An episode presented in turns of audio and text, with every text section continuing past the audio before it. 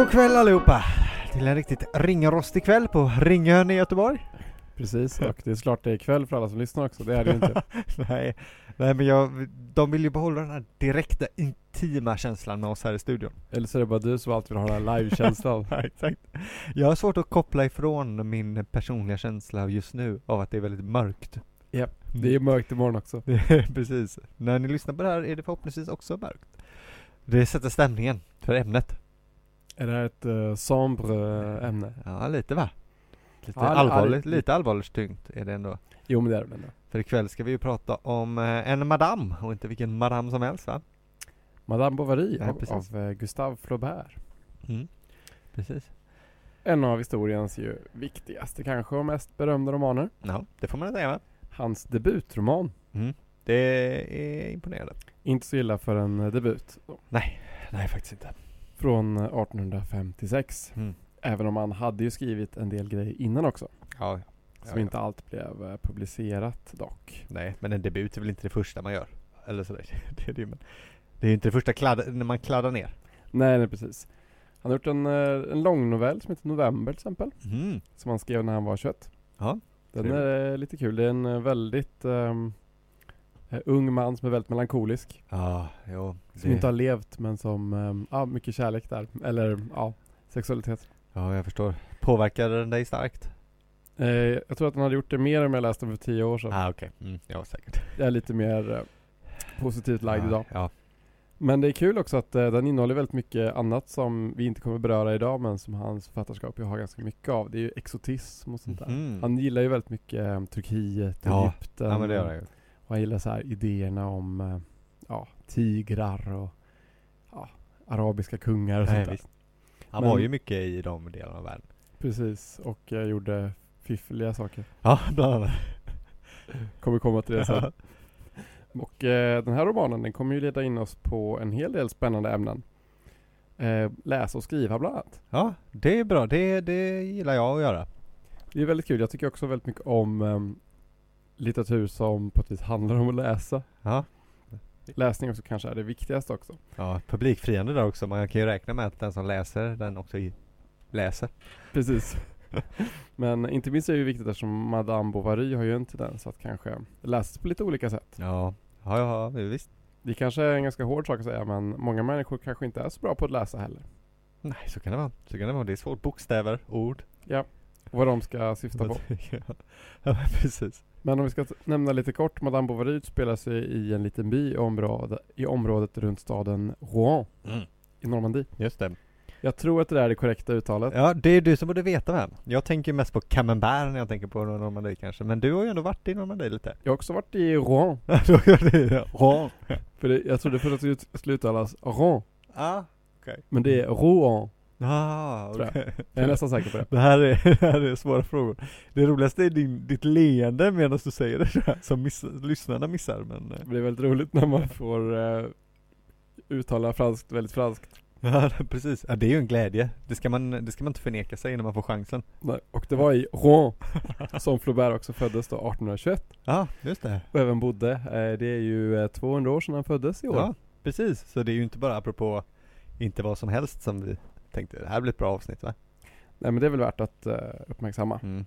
Och eh, i hans eh, diktionär som vi ska prata om lite sen driver han ju ganska mycket med just parisare och så det känns lite som att han kanske identifierade sig en del med att inte vara en huvudstadsperson. Ja, just det.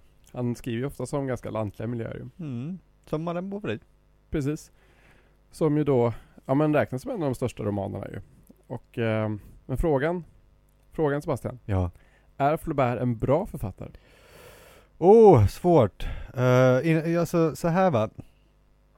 Det här är ju en av de här pangromanerna och jag har ju, här, nu, nu, nu kulpar jag lite, jag pular som man säger va. Det är för att jag har ju alltid under lång tid sedan gymnasiet alltid liksom hållit mig borta från de stora romanerna lite. Va? Ja. Eller just de här, inte de stora, men de stora 1800-tals, liksom, eh, vad ska jag säga, de stora moderna böckerna sådär. Och Madame, för Madame Bovary till exempel då, den tvingades ju jag läsa på gymnasiet. Eller, inte just den, man var tvungen att läsa en av ett urval, men den hamnade, hamnade på den på något sätt. Och eh, då tyckte, det här var ju inte riktigt det du kom prata om, men, men det är ju ändå så att då tyckte du att den var skittråkig. Nej, kanske inte. Kanske beror på lite vem man är. Ja. Vi hade ju en, också en grej på gymnasiet att man skulle välja en, en klassisk roman och så skulle man presentera den för klassen. Mm. Och om man var smart så valde man ju en kort roman, Ja. typ eh, Processen eller Dr. Glas eller något sånt där. Väldigt smart. Vet du vad jag valde? Nej. Idioten. Ja, den är lång. Vem gissar som var idiot här? Exakt. så istället för att läsa en bok på 140 sidor så, så valde jag en bok som var på 800 sidor. Ja, precis. Exakt. Så att eh, det fick Nej. jag äta upp. Men jag har ju ångrat mig nu, för nu har jag ju läst om den, apropå det här. Och nu tycker du säger, så jag, nu säger jag så här. Jag tycker Flaubert nog är, jag skulle säga att han nog är en bra författare? Intressant att du säger det. Mm. För i augusti 1919 var det faktiskt en hetsk debatt i Paris om just litterär stil. Jaha. Och då framförallt Flauberts stil. Mm, Hur dåligt han skrev. Ja. Framförallt hans eh, grammatiska defekter och framförallt i romanen Hjärtats fostran. Ja, just det. Och det är ju eh, rätt intressant. Alltså Flaubert började skriva redan som åttaåring sägs det. Mm. Han är känd för hur långsamt och omsorgsfullt han skrev. Alltså mycket mer långsamt än till exempel Zola som ju skrev jättemånga romaner. Ja. För, för Flaubert tog det ofta fem eller till och med sju år att skriva en bok. Och Han kunde sitta med en enda sida liksom i en vecka. Ja. Han är ju känd för sin stil också. Mm. Sin eh, avsky och fascination för klichéer. Flaubert har ju till och med skrivit en slags ordlista då, eller förteckning som man kallar Le Dictionnaire des idées reçues. Alltså ordlista över typ accepterade tankar och idéer. Ja. Som såklart är väldigt satirisk. Mm. Som då är, handlar om alltså klichéer och vedertagna åsikter och sånt som folk säger.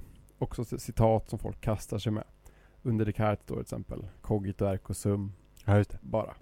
Just det. Och den är väldigt kul. Ehm, jag har lite exempel på vad man kan hitta i den. Ehm, under absint kan man läsa att det är ett extra våldsamt gift som journalister dricker medan de skriver sina artiklar. Ja. Visst.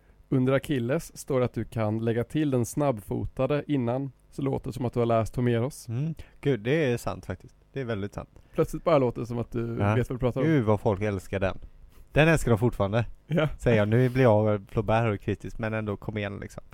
En favorit jag har det är under kyssa, som heter baiser på franska. Mm. Står det var man ska kyssa olika personer. Ja. Pannan på unga flickor. Okej. Kinden på din mamma. Handen på en vacker kvinna. Nacken på ett barn. Och läpparna på din älskarinna. Ja. Sin fru, står inte med. Nej, Nej, inte alls. frun är inte med. Nej. Sen står det också att basilika är synonymt med en pompös kyrka. ja, jo. Katter är förrädare. Ja. ja, det är sant. Under klassiker står det bara, man borde kunna dem. Mm. Han har Ja. också med ett Det är en bra lista. ganska bra överlag. lista. Alltså överlag är det, en väldigt rolig bok där. Ingen väldigt ovanlig form. Mm. Eh, han har med ett snoppskämt. Mm. Äntligen. Det kanske Ja. man inte trodde. Nej, här, nu trodde alla som, den här veckan tänkte alla, nu blir det ett liksom ett Moget avsnitt. moget avsnitt. Nu blir det inga stoppar i den här podden. Nu ska vi äntligen få lite finstämd finkultur va. Men eh, skönt att vi eh, lyckas hålla igång även här. Vad är det med killar? Varför är snoppar det varför, är det- varför är det så? Ja. Ja, men eh, det här är då under eh, ordet erection. Mm. Det kan man gissa vad det betyder, tror jag. Precis. Om, även om man inte kan franska. Och där står det då eh, Säg det inte förutom om du pratar med byggnader. Ja. Exempel Uppresningen av en obelisk. Mm. Eller erektionen av en obelisk. Och sen har jag ett exempel som då är Farnese Hercules, alltså den statyn då som finns i, eh, i Neapel. Ja. Farnese Hercules erektion ägde rum igår i Tuilerierna. Många damer var med och assisterade. ja, jätteroligt. det var bra. Men bara om byggnader alltså. Bara om byggnader. Då är det fritt fram. Och Hercules erektion. Ja det är väldigt kul. Ja, jättekul. Så att ehm, Mm. eh, ofta har han också med ehm, alltså beskrivningar vilka ord som, eh, som alltid, alltså vilka adjektiv som alltid följer vissa saker. Ja, kul. Så att det, alltså, och då plötsligt blir man ju väldigt, eh, man blir väldigt eh, medveten om hur mycket klyschor det finns. Mm. Alltså typ eh, slag är alltid blodiga. Ja. Man säger alltid att det var ett blodigt slag.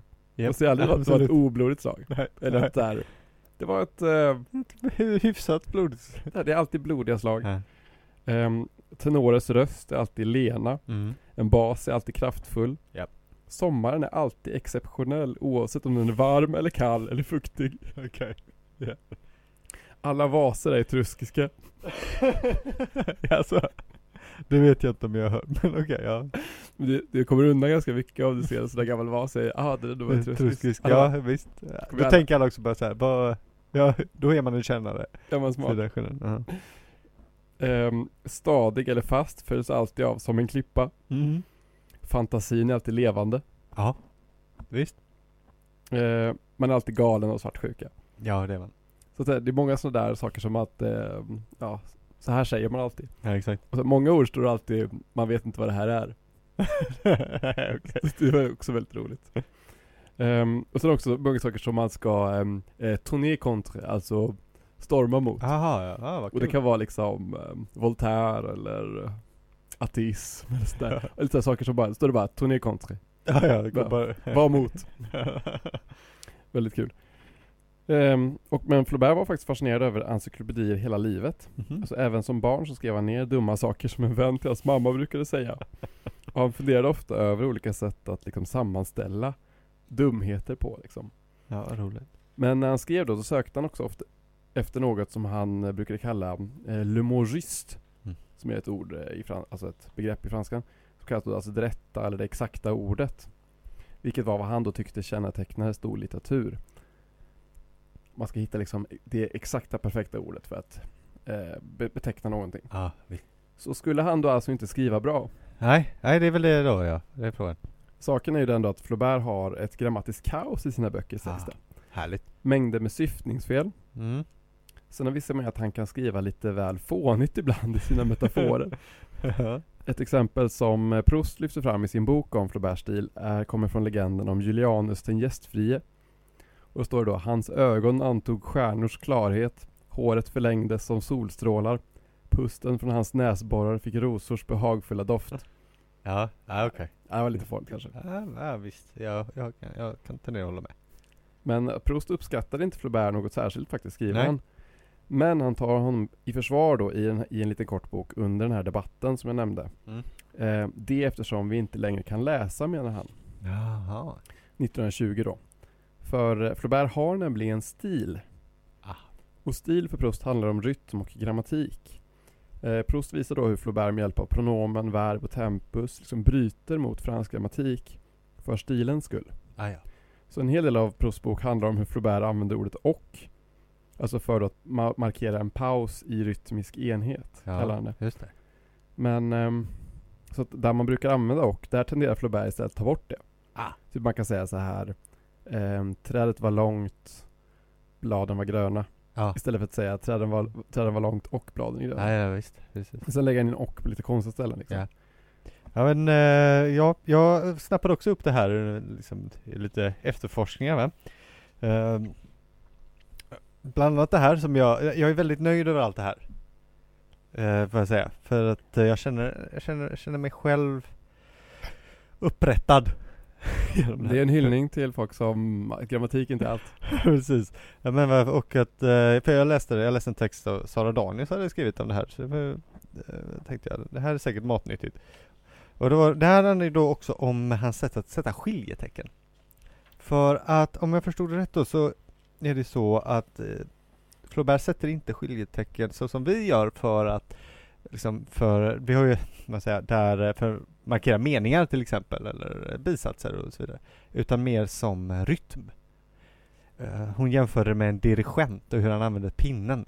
Ah. Vilket gör att liksom, han sätter punkt när han tycker att du, här är det dags för en paus helt enkelt. Inte, bara, inte när grammatiken säger här ska det vara en paus. Eh, och ehm, det här var ju en del av vad folk menar att det här kan han inte. det är det de menar. Det är grammatiskt fel. Ja, så här, så här. Och det här älskar jag för det här får jag alltid kritik för. Är det så? Ja, jag får alltid genom, i alla fall genom min skolgång.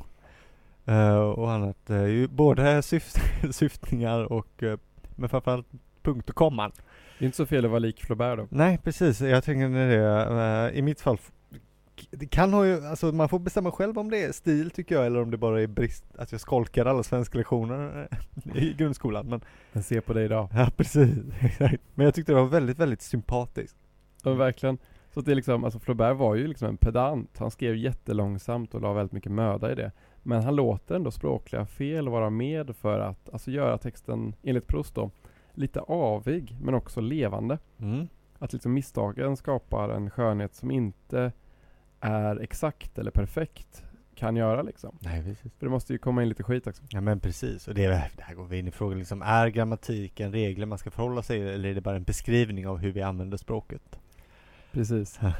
Det är, där, där finns det ju folk som tycker det ena och det andra. Ja nej men exakt, men det är, man får väl Även om man är en riktig surmört får man väl ändå säga att det viktigaste är väl ändå att det blir en bra text sen? Ja men precis, jag tenderar nog att eh, tänka så som folk eh, som höll på att prata mycket om så stil, Mm. alltså klädstil, eh, just att det är bra att kunna reglerna för att sen kunna bryta mot dem. Just det, just det. Ja, så är det nog. Det så, tenderar jag väl så, att- så är det väl. Man ska väl helst bryta mot dem, men man ska väl göra det medvetet kanske.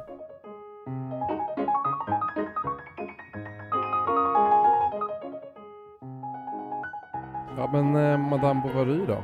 Mm. Den gick ju som serie först i Revue de Paris, alltså 1856. Precis. Och den åtalades ju för sin obscenitet. Eh, året efter var det ju rättegång som ju skulle göra boken ökänd och sedan en bästsäljare såklart. Ja det är klart. Inget lika bra, ingen bra, lika bra reklam som en rättegång. Det är ju toppen, alla älskar ju förbjudna böcker. Exakt. Men Flaubert var ju rätt fri även i sitt liv. Han gifte sig ju aldrig och fick aldrig några barn. Nej. Han var emot att skaffa barn eftersom att han inte ville ge till någon annan existensens alla vedermödor och plågor. Härlig, härlig kille. Politiskt eh, har han kallat sig en romantisk och liberal gammal dumbom. Eller våldsam liberal Ah. som hatar despotism då. Okej. Men han var ju också ganska öppen med sina sexuella aktiviteter Ja. med eh, prostituerade och särskilt utomlands. Ja, nej visst. Det, det, det var ju inte ovanligt eh, på den tiden. Alltså, Nej, Både, med både kvinnor och män, eller ja, Ja, pojkar kanske och med. pojkar mest kanske. Ja, alltså det är hörde som- ju lite till i eh, eh, han eh, i just Alexandria. Det var han ju och eh, runt. Det här är spännande för nu är vi ju i november. Och de flesta kanske tänker på kampanjer, tänker kanske de flesta på Movember eller mustasch. Ja det är väl nu ja. Det är nu att man ska ha mustasch. Men om man eh, är mycket på i nätet så märker man ju ganska snart att det också är något som kallas för No Nut November. Ja just det. Ja, alltså att man inte ska uh, onanera. Det är väl det. Man ska runkfri november. runkfri november, precis. det är exakt det betyder jag. Eh, Det är en del av liksom NoFap-rörelsen som är intressant. Den har ju många likheter med 1800-talet, precis som den gemene 1800-talsborgaren så är det många nu för tiden som tänker att det är ohälsosamt att runka. Just att man blir försvagad. Eh, Det tyckte väl redan de gamla grekerna också? Ja, jo det är Man, sant. man förlorar sin kraft som ligger i detta, precis. denna vita saft. exakt. Det där går ju lite upp och ner exakt liksom vad, vad folk tänker att det gör med en. Precis.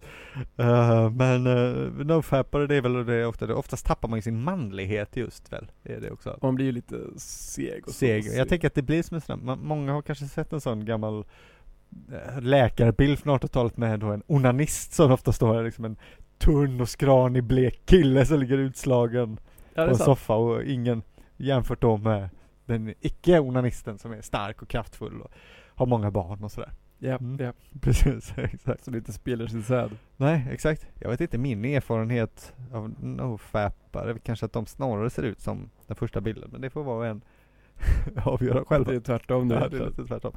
Men eh, det här, även Flaubert var ju en nofappare i, i, i, under en period.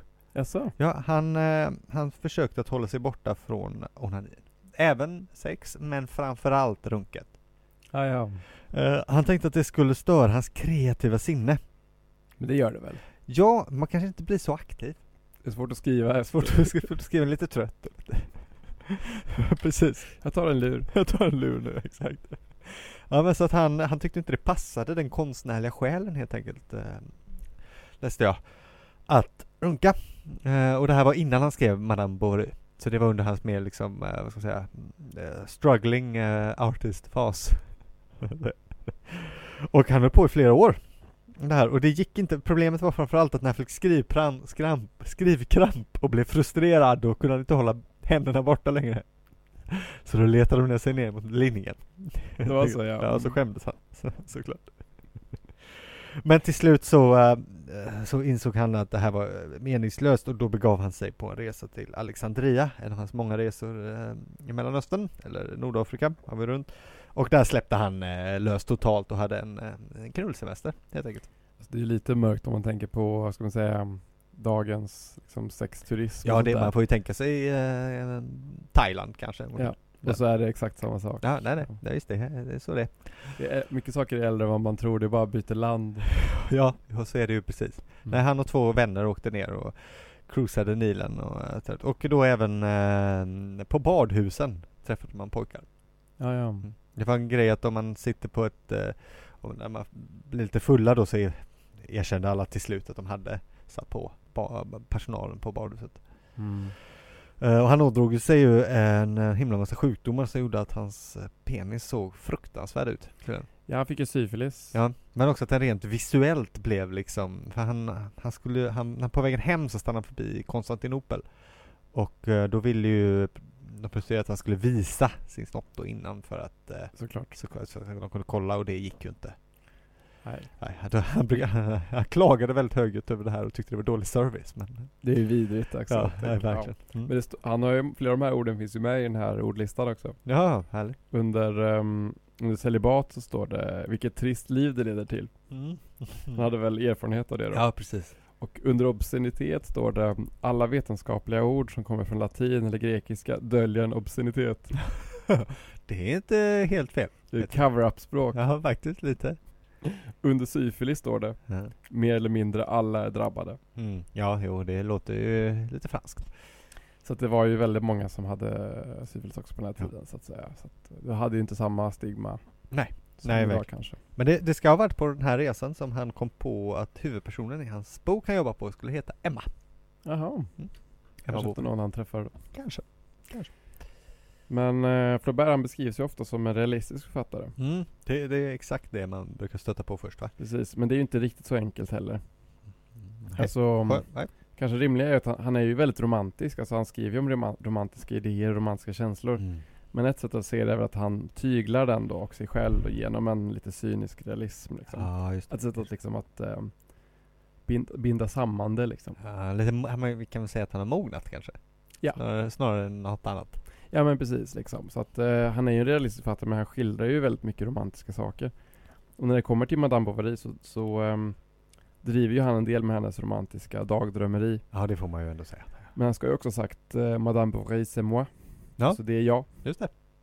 Ja. Även om det finns de som har frågasatt om han verkligen sagt det. Mm. Men vet du vad Madame Bovary och Seinfeld har gemensamt? det vet jag faktiskt. Får jag, får jag säga eller kommer jag spoila det? Ja, vad säger du då? te- det är väl att de, enligt sin upphovsman handlar om ingenting. A book about nothing. Exakt. Jag tyckte det var jättekul. Men det, det visar också på det vi pratade om att eh, det är en fråga om stil. Ja, nej, men exakt. Så är det väl även med Seinfeld. Det är jag tycker själv att det är bland det roligaste som går att se. Så att Eh, Men det man, har ju ingenting med själva innehållet att göra, ofta. men kan man så kan man skriva vad som helst. Ja men precis. Ja. Det är ju inte det som händer som är kul, det är inte, s- men det är framförallt folks reaktioner som är, och, och sätt att tala som är roligt. Ja men precis. Ja men de kan göra ett avsnitt om att vänta på ett bord på restaurang. Ja men precis, exakt. Perfekt exempel. Perfekt. Det är som, eh, det är som de bästa romanerna. Ja, Det handlar om ingenting. verkligen. Det är som en spännande sak med Madame Bovary, som ju kanske också gör den så extra realistisk, är också att den är baserad på en verklig person. Smått baserad på en verklig person. Ah, kan ja. man säga. Eh, det var nämligen så att det fanns en eh, kvinna som bodde i Normandie. Hon kan ha bott i Rouen. Är inte säker, men hon bodde i Normandie i alla fall. Eh, som blev något uppmärksammad i lokalpressen. Eh, hon hette Delphine Delamare, Delamare eller Dela, Delamare stavas det, så Delamare, Delamare, Delamare säger vi. Lite, det låter lite mer spanskt eller Det italienskt. låter lite mer Delphine. ja, men vi kan kalla den Delfin. Det är lättare. Eller delfiner. Eller delfiner. Ja, Bra koppling. Snyggt. Ja men hon, det här är ju då alltså en kvinna som tog sig älskare och sedan eh, begick självmord helt enkelt. Eh, När allting skulle uppdagas, eller innan allting uppdagades, det uppdagades i efterhand. Och eh, den här vet man att Flaubert läste i tidningen Journal, Journal de Rouen. Eller Journal de Rouen. Eh, och att eh, det är ju handlingen grovt sett, om man är väldigt, väldigt kortfattad, är det ju handlingen.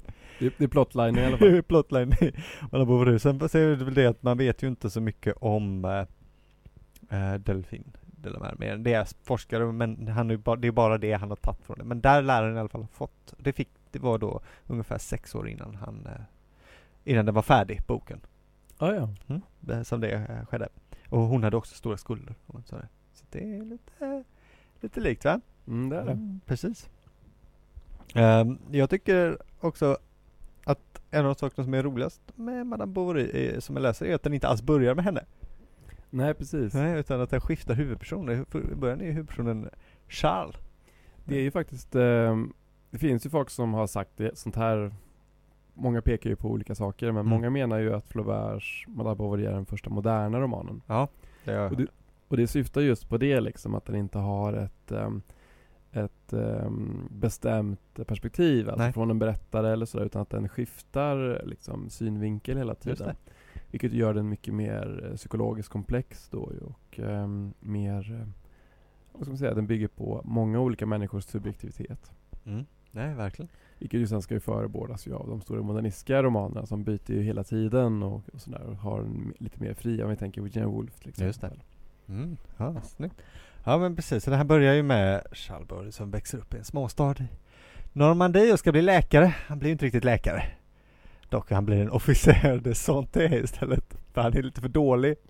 Det är alldeles för enfaldig och dum. Ja, jag gillar honom eh, lite, får jag säga. Jag tycker han är en, eh, ja man, eh, man känner ju igen sig, jag känner igen mig väldigt mycket både i Emma Bovary och i jag säga. Och det är väl det bästa betyg man kan få Ja, eller, som författare, att du känner igen dig i båda karaktärerna. Ja, väldigt sant faktiskt. Eh, och han gifter ju sig med en annan kvinna först, men blir kär i eh, Emma när han eh, hjälper hennes pappa som är sjuk. Precis. Men som tur är dör den andra frun, som ännu inte var så trevlig till att börja med. Nej. och han kan gifta sig och hon blir då Madame Bovary. Men det finns ju någonting lite så här halvdeppigt i också, att han Han är ju bara hemma hos dem lite grann. Och Ja, bara så ja, här, visst. ta, det är ju bara första som han är framför också. Så. Jo, jo så är det ju absolut, ja. Men han är ju, till skillnad, han är ju väldigt långt ifrån henne. Han är ju inte en man med drömmar.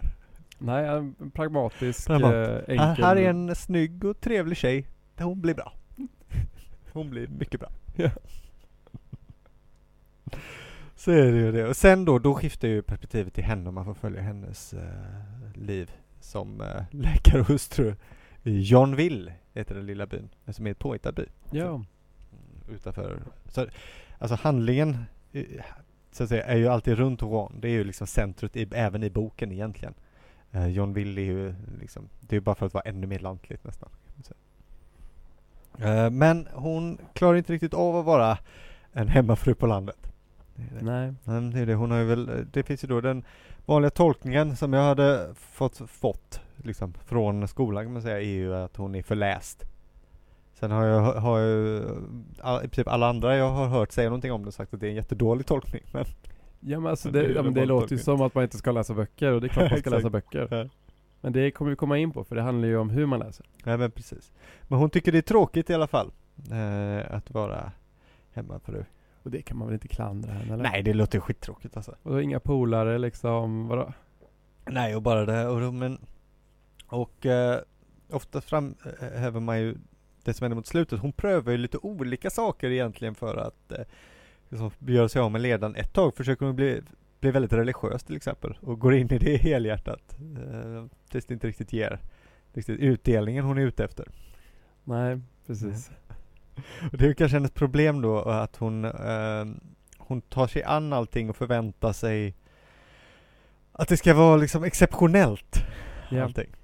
Så att när religionen inte riktigt är så extatisk som hon hoppas att det blir, då får hon pröva någonting annat helt enkelt. Ja. Men och då tar det sig som bekant det ett gäng älskare. Först är det ju Rudolf, eh, som bor i samma stad. Ehm, Efter att ha flörtat lite med han Leon innan ju. Ja precis, men då blir det ju inget av. Nej. Så sticker han. Och eh, då hon eh, och vill anordna ju så att hon ska, de ska rymma iväg. Hon och Rudolf, så det heter. Rudolf kallar jag honom från och med nu. Eh, men han fegar ut i sista sekund. Och det är tycker jag, en av de brutalaste scenerna. i hela- Ja, frågan är ju om han ens tänkte det. nej, nej, aldrig, inte, inte en chans. Nej. Han bara spelar ju med. Och här går det för långt liksom. Det gäller att avbryta det här. Och lägger ett brev i en låda apelsiner. Eller aprikoser. Mm. Jag kommer inte ihåg. Ja. Men det är då hon träffar Leon sen efter det i Rouen. Det- Och det, det roliga då, eller roliga och tragiska och allting är väl att det är hennes mans idé att de ska börja träffas tu hand. Ja, det finns ju någonting ironiskt i Ja den, precis, för han är ju så himla blåst. den duperade äkta mannen. Ja exakt, han är han kan ju alldeles föreställa sig att hans fru skulle hålla på med något. något Han, han har inte ens fantasi till det. Nej, exakt. Han skulle aldrig kunna föreställa sig en otrohet. Det Nej. finns inte. Nej, exakt. Eh, och det, det är ju här som tragedin verkligen börjar, för det, då ska det ju vara hotellvistelser, besök på teatrar och allt annat, fina klänningar och sånt där. Som ju eh, driver upp skulderna hos den eh, skamlöse, ehm, vad, he, vad heter han nu igen, skuldindrivaren, Lerö va? Ja, mm. Mm. Som eh, lurar, han överlag lurar folket i byn, inte bara Emma utan många att eh, köpa på kredit. ja. Precis, och hon går ju på det. Stort. Och sen finns det ju en, det är ju nästan, det är ju en, en, en väldigt underlig scen i allting. Som också är bara en fars nästan. Och det är ju den här eh, scenen när de åker, häst, när de åker vagn. Alltså åker häst och vagn. Om du kommer ihåg den? Jag tänker när de, eh, när de har um, umgänge. Ja, precis. Mm. När, när de alltså åker i, och att det är så himla, det är en så himla dum scen. Jag. Du? jag gillar det. Jag gillar det, men det är också sådär att de, de hyr då en kusk som ska köra runt dem, men de ser inte riktigt vart, så de bara kör runt och runt och runt och kusken undrar ju vad det är som pågår hela tiden, varför skakar vagnen så mycket? Och det, är så, bara, det är så dumt bara. Jag tror det, det är väl ett eh, klassiskt exempel tror jag på eh, klassisk, klassisk, Det är väl ett klassiskt exempel på gestaltning tror jag. Mm, ja, jo. Att inte berätta men Nej, skil- skildra nej, vad som händer Jag tycker mest det är så alltså att, att, all, att ingen, alla omkring, han beskriver hur folk undrar vad det är med den här vagnen, hur kusken undrar vad de håller på med där inne egentligen. Och så kan läsaren skrucka och säga Jag vet nog jag vad de vet gör. vad de håller på med. Ja. Jag, alltså jag säger inte att det är en dålig scen, men den är Den är väldigt, den är lite buskis mitt i allting. Tycker jag du eh, rack, rackar ner på humorn här. Nej, jag tycker det, jag tycker det är kul. Den, den är bara lite den, den eh, rimmar inte så väl med stämningen övrigt kanske. För Froberg är ju en väldigt rolig författare. Ja, visst. Ja, men eh, för att eh, hoppa framåt då, så till slut då så är ju skulderna för stora. Och hon behöver betala tillbaka helt enkelt. Och hur ska hon göra det? Och framförallt hur ska hon göra det utan sin man? Och det är ju den här boken blir riktigt tragiskt framförallt tycker jag. Det är tragiskt när hon går, scenen när hon måste gå till sina älskare och be om pengar. Den scenen hon då går till sin, till Rudolf till exempel och måste tigga och inte får någonting. Och hur eh, övergiven hon är och hur alla ord om kärlek som de hade lovat henne in i döden inte betyder någonting egentligen. Precis, så att istället så väljer hon ju att eh, köpa sig, en, eller sno till och med lite, nej, arsenik. I alla fall som hon tuggar i sig. En näve arsenik är det till och med tror jag. Vet jag. jag vet inte hur man tar arsenik men det låter så underligt tycker jag. Mm, Nej, jag kan inte säga att jag vet det heller. Nej, Mm. men hon stoppar i sig en näve i alla fall. I mat har man väl det, eller dryck typ? Ja det är väl den klassiska så hustru sättet att hu- fruar och mörda sina män traditionellt för att smyga ner det i, i, i drycken lite, lite i taget. Det är väl så jag, med Greven mot Kristi gör väl, i Wien va? Ja precis. Så eh, förstår man inte, man blir bara lite sjukare och sjukare men det är inget så ja, till slut. Alltså över en lång period och sen dör man. Men hon, dör, hon tar ju mycket på en gång eh, liksom då. Och sen är det ju, jag ska säga, absolut den bästa självmordsscenen någonsin. För att den är så himla himla odramatisk. Helt osentimental. Ja, extremt osentimental. Jag tänkte ju liksom att det är nästan en anti-Werther. nästan. Liksom, Det håller på så länge för hon dör ju inte direkt. Det tar ju, det tar ju jättelång tid. Och folk hinner komma och gå. Och hon pratar och folk har lite diskussioner om, jaha, läkarna pratar, hur ska vi göra åt det här? Vi prövar den här saken, nej det var dumt, vi gör det här istället. Och hennes barn hinner komma och skickas iväg igen. Det är inte så här när Hamlet dör liksom. Nej precis, utan det är And liksom the rest is silence. Ja, precis. och så dör han. Nej exakt, utan det, det är på många sätt mycket mer verklighetstrogen såklart och patetiskt självmord. Vilket ju då, det är inte heroiskt på något sätt egentligen. Nej. Det är bara, bara, bara löjligt egentligen. Mm. Eh, tills hon till slut dör då. Och eh, då är det en speciell scen, för där slutar inte boken. Man tänker att den ska handla om Madame Bovary, men nu skiftar historien eh, runt lite i slutet ju. Och då finns det en scen som jag tycker eh, sätter det på huvudet, som bidrar till det här. Det är efter när de ska anordna begravningen. Då har vi två karaktärer som har bråkat lite över hela eh, eh, boken. Det är apotekaren och det är prästen. Och de, apotekaren är ju ateist och, och eh, liberal och allt där och prästen är såklart religiös och konservativ. De har ju under hela boken käbblat med varandra så fort de får chansen. Meningslösa, ändlösa diskussioner. Och det fortsätter ju då, så då när liksom Charles försvinner iväg, då står de ju kvar och bara fortsätter sitt bråk.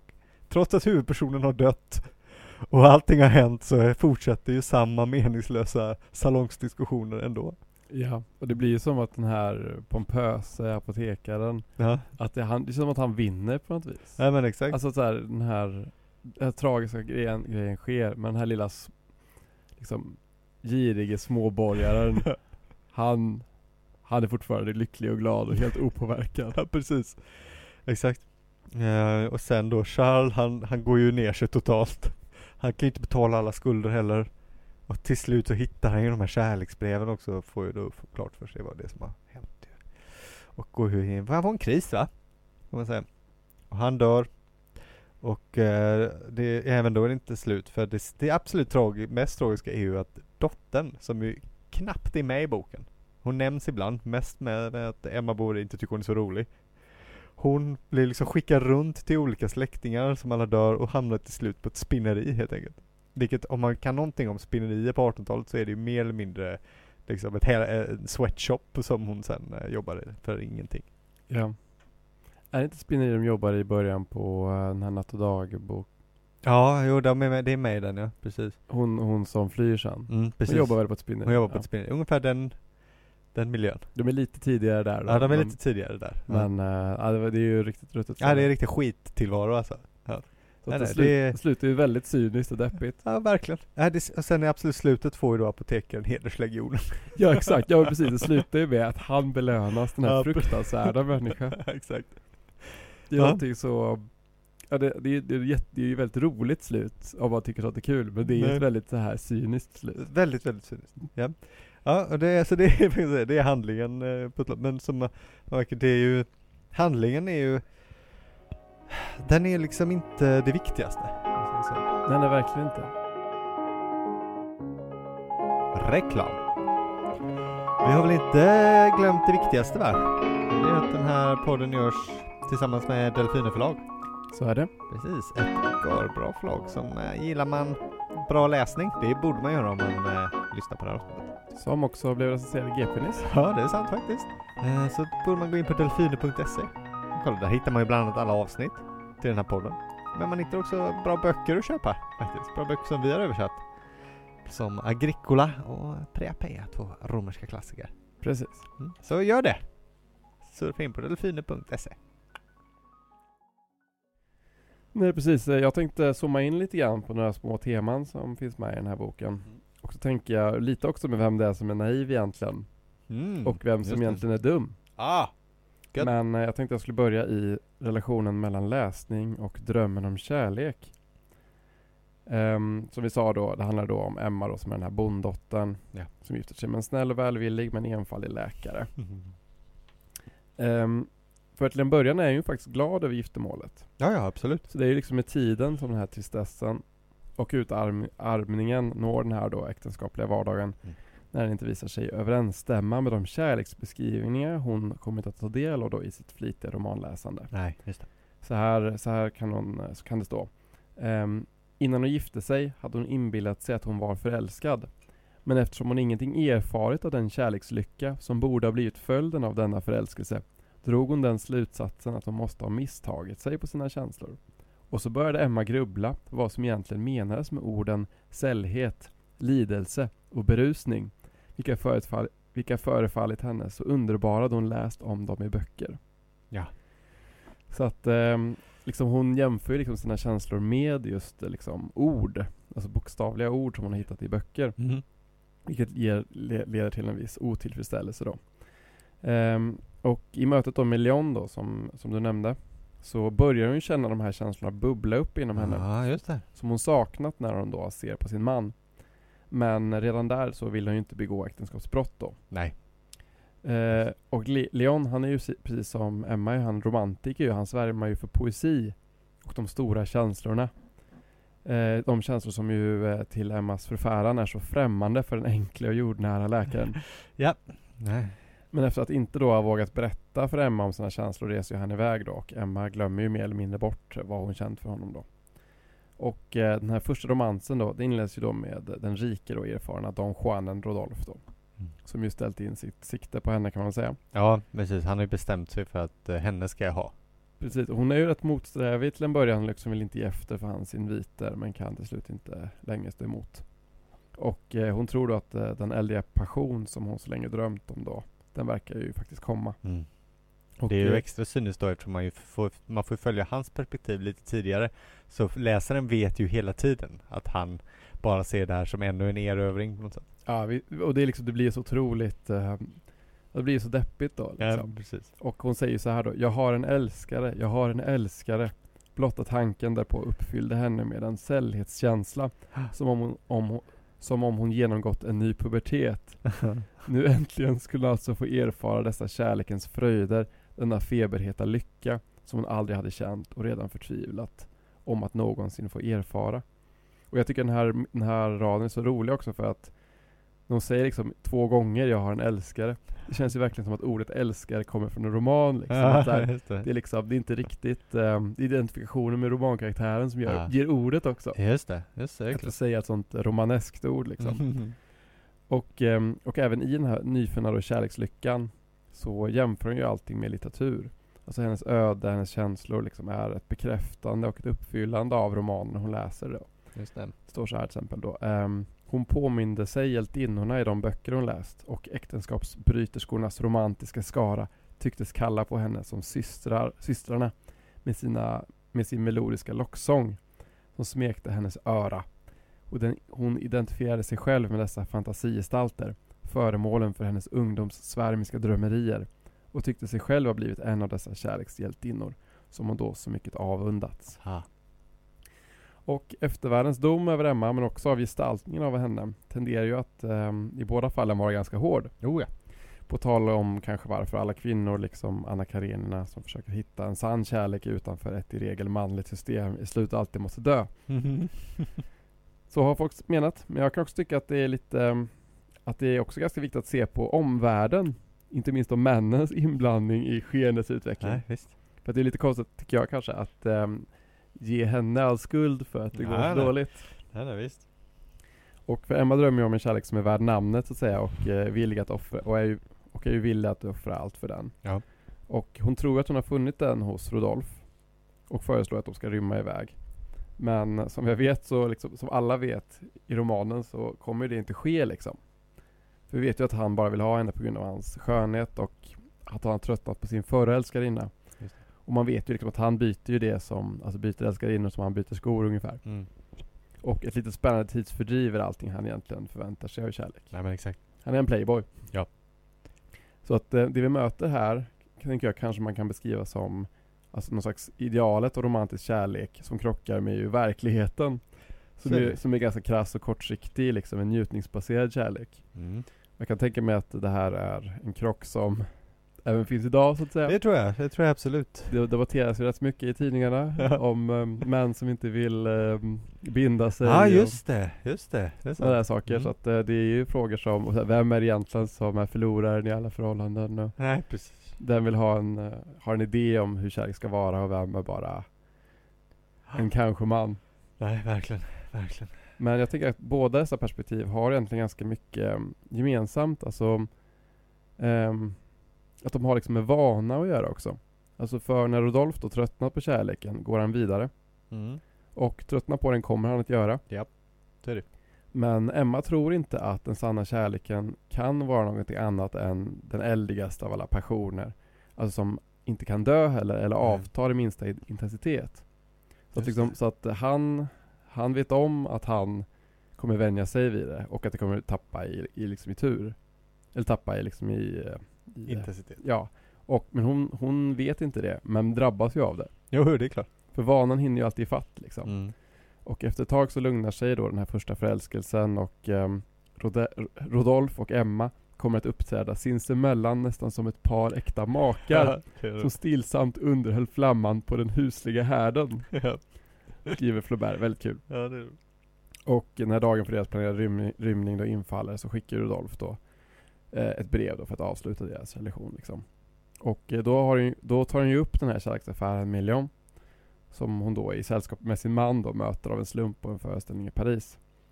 Ehm, och som hon kort därefter då börjar träffa regelbundet. Ehm, och nu är, inte, nu är hon ju inte blyg längre. Utan nu är hon ju väldigt djärv och orädd. Så att den här gången blir det inga ord osagda så att säga. Men det roliga här är ju att Leon är ju också en romantiker. Alltså han har samma romantiska läggning som Emma. Just det, det är sant. Jag tror det står eh, För honom var hon den tidlösa älskarinnan, hjältinnan i alla kärleksromaner, i alla högstämda dramer, den evigt obestämda hon i alla lyriksamlingar. Så att eh, hon är ju både, hon är litterär för honom, men hon är också anonym då. Alltså hon Ja, är ja. ett, ett hon. Precis, det är inte henne specifikt egentligen. Nej, utan det är den funktion hon har i hans eh, liv då så att Just säga. det. Så att, eh, men inte heller detta par ju lyckas ju stå emot tidens tand. Tyvärr. Och han skriver, och de kände varandra numera allt för väl för att någonsin mer kunna gripas av denna vanvettiga svindelkänsla som mångfaldigar famntagets njutning. Mm. Hon kände lika mycket äckel för honom som han var utled på henne. Så det, det som händer här är ju att alltså, de, de vanan hinner ifatt henne hela tiden liksom, och kärleken, det är inte bara att den tar slut utan den liksom blir, den blir bara vanlig till slut. Nej, nej men det, så är det ju också. Och liksom idealet då som båda har egentligen är ju dömda då att göra dem otillfredsställda då eftersom att eh, idealen är väldigt oklara fantasier liksom. Ja. Som inte har motsvarighet i världen. Så här skriver Flaubert sen då. ehm, Detta hindrade henne emellertid inte att hon fortfor att skriva kärleksbrev till honom. Besatt av den underliga idén att en kvinna alltid borde skriva till sin älskare. Men medan hon skrev drömde hon om en annan man, en fantasigestalt framskapad av hennes ljuvaste minnen, hennes hetsigaste åtrå och allt det vackraste hon läst i böcker. Och denna drömgestalt blev till sist så verklig för henne, så levande och påtaglig att hon flämtade av åtrå efter honom. Men samtidigt kunde hon inte få en riktigt klar bild utav honom, utan han försvann ständigt på nytt, som en gud bakom alla de överjordiska egenskaper hon tilla- tillade honom. Ja. Så att hon skriver kärleksbrev till honom, men egentligen skriver hon till en slags oklar bild av någon bara liksom, som ju inte finns. Och eh, det, tycker jag är ganska intressant så att säga. Men jag tänker då liksom att i den här boken så kan vi ju läsa om ett ehm, Det finns ju nästan ett eh, liksom, den skiljer nästan ett annat, ett motsatt kärleksideal till vad man brukar kalla den här borgerliga kärleken. ja, verkligen. Som man ju ser hos Jane Austen till exempel i Sense and Sensibility och Mm. Pride and Prejudice. Som ju kretsar kring äktenskapet. Även om det finns så här romantiska spår kvar i de här böckerna. Alltså till exempel när Marianne i Sense, i Sense and Sensibility hon blir ju räddad av Willoughby som kommer på en ståtlig springare Ja, när hon är ute på en promenad och råkar stuka foten. Det finns någon slags kvarleva av någon slags Verkligen. medeltida romantiksideal där. Ja. Men, men sen moralen hos Jane Austen är ju ändå att Eleanor som representerar förnuftet då i titelns motsatser att hon är den liksom ideala förhållningssättet till kärlek. ju. Just det. Hon är ju förståndig. Mm. Nej men absolut. Men däremot tycker jag att man kanske kan ifrågasätta ifall Madame Bovary verkligen är då ett, ehm, ett ideal då så att säga. Att det, det är det ju såklart inte liksom. Nej, verkligen. Men det han skildrar tänker jag, det är ju roliga är ju att det visar ju att romantikens, eller liksom hur den här typen av idealism hon har, den dör ju liksom i mötet med verkligheten. Det är ju där konflikten ligger liksom. Och eh, jag tänkte bara nämna lite kort en annan bok som har lite samma tematik som jag Ah. tycker väldigt mycket om. Eh, en roman av en av mina favoritförfattare som heter William Faulkner. Och boken heter The Wild Palms, eller De vilda palmerna. Ah. Och jag tänker typ att det hos honom kanske finns lite av en talkback som man kan säga liksom, eller en utveckling av den tematik som Flaubert har. En skildring som man kan säga, alltså både pa- parodierar men också pro- problematiserar den här relationen då mellan läsning och eh, kärlekens eh, idealitet då. Ehm, The Wild Palms består av två separata berättelser som vartannat kapitel då berättas sida vid sida Mhm. som inte har någonting med varandra att göra. Förutom på någon slags tematisk nivå. Eh, den första berättelsen som kallas då Wild Palms, den eh, skildrar relationen mellan Wilburn och eh, Charlotte. De träffas på en fest i New Orleans och inleder kort, en, kort senare en kärleksaffär. Charlotte lämnar sin man och sina två barn för att tillsammans med Wilburn då uppleva kärleken och alltid vara den trogen. Just det. Och på tal om att lämna allting bakom sig då som hon gör, eh, kanske framförallt sin familj och sina barn då, så säger hon så här då. Eh, så nu behöver jag inte tänka på dem mer eftersom jag vet vilket svar det blir och jag vet att jag inte kan ändra det svaret. Och jag tror inte jag kan ändra mig själv. För när jag såg det andra gången kom jag underfund med någonting jag läst i böcker men aldrig egentligen trott på. Att kärlek och lidande är samma sak. Och att kärlekens värde är summan av det man måste betala för den. Och varje gång man får den billigt så har man lurat sig själv. Det är, ja. det är, det är romantiskt men också cyniskt nästan. Ja men precis, det är både mörkt och, Ja, och romantiskt. Men som, som citatet då visar så är ju kärlekens liksom idealitet då, eh, även här då förmedlad genom litteraturen liksom. Mm. Så de är då ständigt på resande fot. Så kommer då Wilborn och eh, Charlotte att leva tillsammans. Hela tiden på flykt från den vardag som de fruktar då ska kväva deras kärlek. Och varje gång de blir alltför hemma någonstans, när de etablerat en ny bekantskapskrets, fått nya jobb som kräver mer och mer tid Ja. och kärleken rotas i vardagen som åter blivit Nej, slentrian. nej, nej. Då ger de sig av igen Ja. för att hålla den vid liv då. Så att man, man kanske kan se Wilburns och Charlottes liksom flykt som den som aldrig blev av mellan Emma Bovary Ja, och-. Rodolphe då. Förutom att de här är ju medvetna om att, va, att vanan, Kommer komma. att den släcker kärleken Mm. och därför ser de till att det inte finns några vanor. Just det. Att de flyttar, byter jobb för att hela tiden hålla liksom relationen ny. Ja. Eh, den andra berättelsen som vi inte kommer att prata om, den heter Old Man i alla fall och skildrar en straffånge som under den stora översvämningen i Mississippi 1927 får i uppdrag att i en roddbåt åka och hämta en man och en gravid kvinna. Hon sitter fast i ett träd och på ett tak som behöver undsättas. Men i Faulkners skildring av denna straffånge får vi också presenterat nästan en drift med eller en parodi på läsandets oreflekterade inverkan på livet Ja. och dess konsekvenser. Och hur då fiktionen ibland så brutalt kan svika verkligheten. För när han berättar om den här unge mannen då, eh, som då sitter i fängelset då, eller på en straffkoloni. Ja. Ehm, han har liksom misslyckats med att råna ett tåg. Okej. Ja. Helt och hållet inspirerat och planerat genom noggranna studier av cowboyböcker. Just det. Ja, det, det kan ju hända någon. Så nu ska ni få höra. Ehm, ehm, den ena av dem var i 25-årsåldern, lång, mager, plattmagad med solbränt ansikte och indiansvart hår och Ja. ljusa porslinsfärdig grovt förolämpande ögon. En förolämpning som inte var riktat mot dem som hade hindrat honom att utföra sin förbrytelse. Inte ens mot advokaterna och domarna som hade skickat honom hit. Utan mot författarna. De dimfigursnamn som stod utanpå historierna. De häftade romanerna. Om Diamond Dick och Jesse James och andra i samma stil. Ja. Som han trodde hade fört honom in i hans nuvarande situation. Genom sin okunnighet och sin enfald inför det ämne som de behandlade och fick betalt för Just det. idén hade godtagit de uppgifter som det gav en prägel av sannolikhet och äkthet. Detta så mycket brottsligare som det inte medföljde något edsurt beriktigande och uppgifterna följaktligen skulle godtas av en som väntar sig samma outtalade redlighet utan att kräva, fråga efter eller vänta sig något bevis. Men som han själv avgav tillsammans med de 10 eller 15 cent han betalade för dem. Och sålde för pengar och som vid praktiskt utförande visade sig oanvändbara och för straffången brottsligt felaktiga. Ja. Ja. Så vill jag också säga att det här var en mening. Ja, det är en bra mening. För jag älskar William Faulkner. En mening. Det här är liksom, ser ju hur långt det här Ja, stycket är. är en mening. Underbart. Så Ja, liksom, men, det är nästan en parodi på Emma, Emma Bovary då, verkligen. att han har liksom läst en cowboyroman, gått rånat ett tåg och blivit dömd till liksom straff. Ja. eh, Det jag, men jag vet, alltså det är ju känt att eh, folk i den kriminella världen ibland kollar på filmer som Scarface och sånt där och det är nog, han, det är nog både en och annan som har lidit av att försökt att applicera verkligheten lite för mycket. Eller applicera det på verkligheten lite för mycket. Ja, det är ett väldigt aktuellt ämne det här också. Ska jag Ja, jo det är sant faktiskt. säga. Eller man kanske sett Gudfadern för många gånger. Ja, jo men exakt. Det är ju inte alltid som eh, det är liksom drama, dra- dramat och verkligheten exakt liner. Precis. Och i alltså The Wild Poems då, då får vi ta del liksom den här spänningen mellan två förhållningssätt då, mellan läsning och ideal och verklighet. Alltså som Wilborn då formulerar för sig själv är på vissa sätt kanske rätt märkligt vilken status det skrivna ordet i en bok mellan två pärmar har över livet. Mm. Han säger så här. "Eh, Det låg ett grått ljus över sjön och när han hörde lommen visste han precis vad det var. Han visste till och med hur den såg ut där han låg och lyssnade till den hesa idiotrösten och tänkte på hur människan ensam av alla skapande varelser frivilligt låter sina naturliga sinnen förtvin, förtvina och det bara på bekostnad av andra. Hur det fyrbenta djuret får all sin erfarenhet genom lukt och syn och hörsel och misstror allt annat. Medan det tvåbenta bara tror på det som det läser.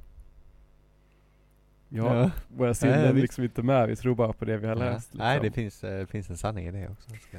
Men den här kärlekshistorien får ju också ett eh, ganska olyckligt slut. Eh, Charlotte blir gravid Mm. och de har inte råd eller tid att behålla det. All tid ska gå till kärleken. Ja. Wilborn, han är utbildad läkare, Mm. precis som Mm. Charles Bovary-ish i alla fall. Ja. Han tvingas mer eller mindre att utföra aborten Ja. som leder till att hon dör. Mm. Och Mm. Wilborn sätts i fängelse. Ah. Och eh, i likhet med då tidigare verk ur litteraturhistorien så leder den här tron då och drömmen på kärleken till döden. Ja. Men hos Wilborn och straffången finns ingen bitterhet. Ja, okej. Charlotte som är död, hon har ju ingen röst i frågan då. Nej, nej, det är klart. Men straffången som vilse i en båt tumlar runt i ett översvämmat landskap har alla möjlighet att fly. Men han Ah. vägrar att fly. Jaha. För han vill ställa Ah. allt till rätta och avtjäna sitt straff. Ja. Och Wilborn får erbjudandet av Charlottes man Mm. att han skulle betala borgen så att han kan fly. Ja. Men han vägrar också. Mm. Ja, tänkte han. Gäller det sorgen eller ingenting så tar jag sorgen. Jaha. Ja. Alltså det är en otrolig bok det här. ja, alltså. Och eh, för kanske vet de att det inte finns några alternativ. Alltså att det är liksom föreställningar om någonting som gör det värdefullt också. Liksom. Ja. Att det är värt att kämpa för liksom, så som kärleken. Och det finns då en, det sista citatet där. Jag vet att jag har dragit för många. Okej, näst sista citat. Nej, kör på. Det är alltså inte mig du tror på, litar till. Det är kärleken. Hon såg på honom. Inte bara mig. Vilken man som helst, tillade han. Ja, sade hon. Det är kärleken. Det sägs att kärleken dör mellan två människor. Det är fel. Den dör inte. Den bara lämnar den, ger sig iväg. Om man inte är nog äkta, nog värdig. Den dör inte. Det är man själv som dör. Ja. Det var tungt. Ja, så att ehm, man frestas ju kanske då med tanke på böcker då som Don Quijote kanske Mm. och Madame Bovary i bakhuvudet att anse att läsning det är ju skadligt va? Farligt för den psykiska hälsa. Ja, verkligen. Man leds i fördärvet av romantiska griller och orealistiska drömmar. Så är det. Men är det verkligen farligt att läsa? Eh, ska jag svara på den? Jag säger, jag gissar nej. Nej det är det väl Det inte. var skönt. Jag tänker så här. Jag eh, trodde jag att jag var säker när jag satt hemma liksom istället för att ränna ute på stan med i soffan med min bok. Men tydligen så är jag i riskzonen. Ja det var jättefarligt beteende, så här kan du inte hålla på. Ja. Men eh, Proust då, som har skrivit den här boken om Flauberts stil Ja. Han har också skrivit en bok som heter eh, Sur la lecture Mm. Mm. Fast det är också förordet då till en översättning av John Ruskins eh, Sesame and Lilies. Ja. Men den brukar tryckas separat. Där skriver han så här. Läsningen blir däremot farlig när den istället för att väcka upp oss till intellektets personliga liv tenderar att ta dess plats. När sanningen inte längre framstår för oss som ett ideal som vi inte kan förverkliga annat än genom inre framsteg i vårt tänkande och en ansträngning i vårt innersta utan något materiellt som placeras mellan böckernas blad likt honung som framställs helt och hållet av andra och som vi bara behöver bemöda oss om att hämta på bibliotekets hyllor och sedan passivt avnjutna i en fullkomligt kroppslig och andlig vila. Ah. Så att eh, man kan inte bara tänka sig att en boks liksom innehåll, det är inte som honung som du bara behöver lapa i dig. Nej, just det. Utan du måste ju liksom göra någonting med det du Ja, läser. tänka också va? Precis. Mm. Proust menar alltså att böcker är, de är slutsatser för författaren. Mm. De är endast incitament för läsaren. Incitament då till en ny och egen reflektion. Och eh, han skriver då att vår klokhet börjar ju där författaren slutar. Mm. Ja, just det. Det är klart. Så att eh, det tänker jag då att eh, Madame Bovary då, den handlar ju inte om att läsning skulle vara dåligt. Inte heller att den skulle handla om någonting så konstigt som att kvinnor inte borde läsa för mycket kärleksromaner. Nej, just det. Eftersom att de på så sätt får en massa konstiga idéer för sig. Nej. Vissa har ju valt att tolka den på det sättet. Ja, nej visst. Man ser sådana här eh, hyllor fulla med kärleksböcker, va? snuskböcker också. Ja, men Mm. precis. Jag tycker ändå, men så här, för mig så handlar Madame Bovary om Alltså Att drömmen på något vis brukar överträffa verkligheten. Ah, liksom. ja. Att ehm, Alltså fantasi och fiktion, den kommer ju att lämna en besviken Japp. När de konfronteras med den riktiga världen. Som i Madame Bovarys fall är ju ganska cynisk och eh, självisk. Oh. Mm. och eh, enfaldig. Ja. Som romantiker är man ju dömd att förlora mot eh, den krassa verkligheten. Oh. Och eh, Flaubert var ju på många sätt också en romantiker men som då kanske utvecklat en viss eh, social pessimism då som eh, kunde göra honom medveten om det vansinniga i det hela. Men kanske kan man inte göra så mycket annat än just fortsätta drömma. Nej, kanske inte va? Eller Sebastian? Nej, absolut inte. Nej. Nej, man får tänka på det när man, eh, när du sitter hemma och slänger i den ena Harlequin-romanen efter den andra. Att eh, tänka på det här, eh, tänka till lite också va? Ja men precis. Det. Och kanske även om man sitter och scrollar, man tänker ju att det moderna exemplet hade varit Instagram kanske, eller bilder på, eller inte just det, men liksom eh, bildmedium på något sätt, på vackra platser och eh, kära, kära, par, kära par va, i snygga kroppar. Ja men Ja, precis. sitter man bredvid sin egen tråkiga och plufsiga man. va? Mm. det går inte. Nej precis. Och man tänker att alla dessa vackra folk, att de är så, har så fantastiska liv. Ja, precis. Mm. Nej, nej. Du får lä- läsa Madame Bovary och tänka en gång till. Och läsa den bra då. Ja, ja, helst faktiskt. Det ska vara så svårt jämt va? Ja det är svårt, det är svårt. Mm. Mm. Känner du dig, är du, ehm, är du en drömmare eller är du en pragmatiker? Ja, jag, hade jag varit en pragmatiker i en sekund så kanske någonting hade gått bra någon gång men nej det är Tyvärr får jag nog ställa mig bland eh, drömmarna. Eh, Mm. Ja, det Ja. är väl fint. Jag försöker eh, rätta mig. Så länge man vet om att det bara är drömmar. Ja precis. Exakt. Ja jag försöker, jag Mm. försöker. Ja nej, det är väl det va. Jag, jag tänker att jag är Madame Bovary i sinnet men eh, Charles Bovary i de praktiska realiteterna. Det. Han är ju ändå till mestadels lycklig. Ja, det är ju tur. Han är ju en lycklig idiot. Ja precis, det är ju skönt. Tills, tills då verkligheten tyvärr även drabbar honom i och för sig. Ja tyvärr. Det är så det, den tenderar att göra det. Till och med dem. Ja. Precis som alla drömmare så eh, kommer det en tid när man måste bege sig ut i verkligheten. Ja, är det nu? Jag tror det nu. Huh, Ja, vi måste väl fortsätta som vanligt helt enkelt. Känner du dig redo? Mm, aldrig, men, men eh, som vi har lärt oss nu så kommer det vare sig jag vill eller inte. Ja, och man får vara beredd på att eh, vanor är en stor del av livet. Exakt, Det mesta är ju vana. faktiskt. Jag tror det är så jag vill ha det också. Tror du det? Jag är ganska mycket en vanemänniska. Ja, men du har ju så goda vanor. Det är det som är konsten med livet, ja, att ha goda Wow, vanor. och där kom den. Mm. Livsvisdomen har nu nått sitt totala crescendo Självgodheten också. också. Självrättfärdigandet. Perfekt. Och så här va, känner man hemma att man önskar att man kunde ha lite mer självrättfärdigande, vet du vad man ska göra då Magnus? Eh, nej, vet du. Ja, Då kan man eh, bli Patreon-stödjare till eh, kulturella podcasts som den här till exempel. Jag rekommenderar framförallt den här. Gå inte och stöd någon annan nu när jag sa det. Det vore dumt tycker jag. Ja, och så att eh, då kan man gå med i den självgoda skaran som kan klappa sig på axeln hela vägen hem, nämligen våra Patreons. Så, eh, så det tycker jag man kan göra. Precis, den här, veckan, den här gången var vi ju en vecka sen också. Ja, precis. ja, exakt. Jo, jo, men det här är ju inte det här är ju inte sån här tråkig podd som liksom följer konventionerna. Nej, precis. utan vi gör ju som vi vill va. Och eh, det tycker jag att man ska göra också. Gör som man vill, surfa in och stöd. Och såklart gå in på vår Instagram, den är faktiskt ganska rolig. kommer säkert komma upp lite fina bilder. Ja, det tror jag. Kanske på dig i Normandie, om du har någon.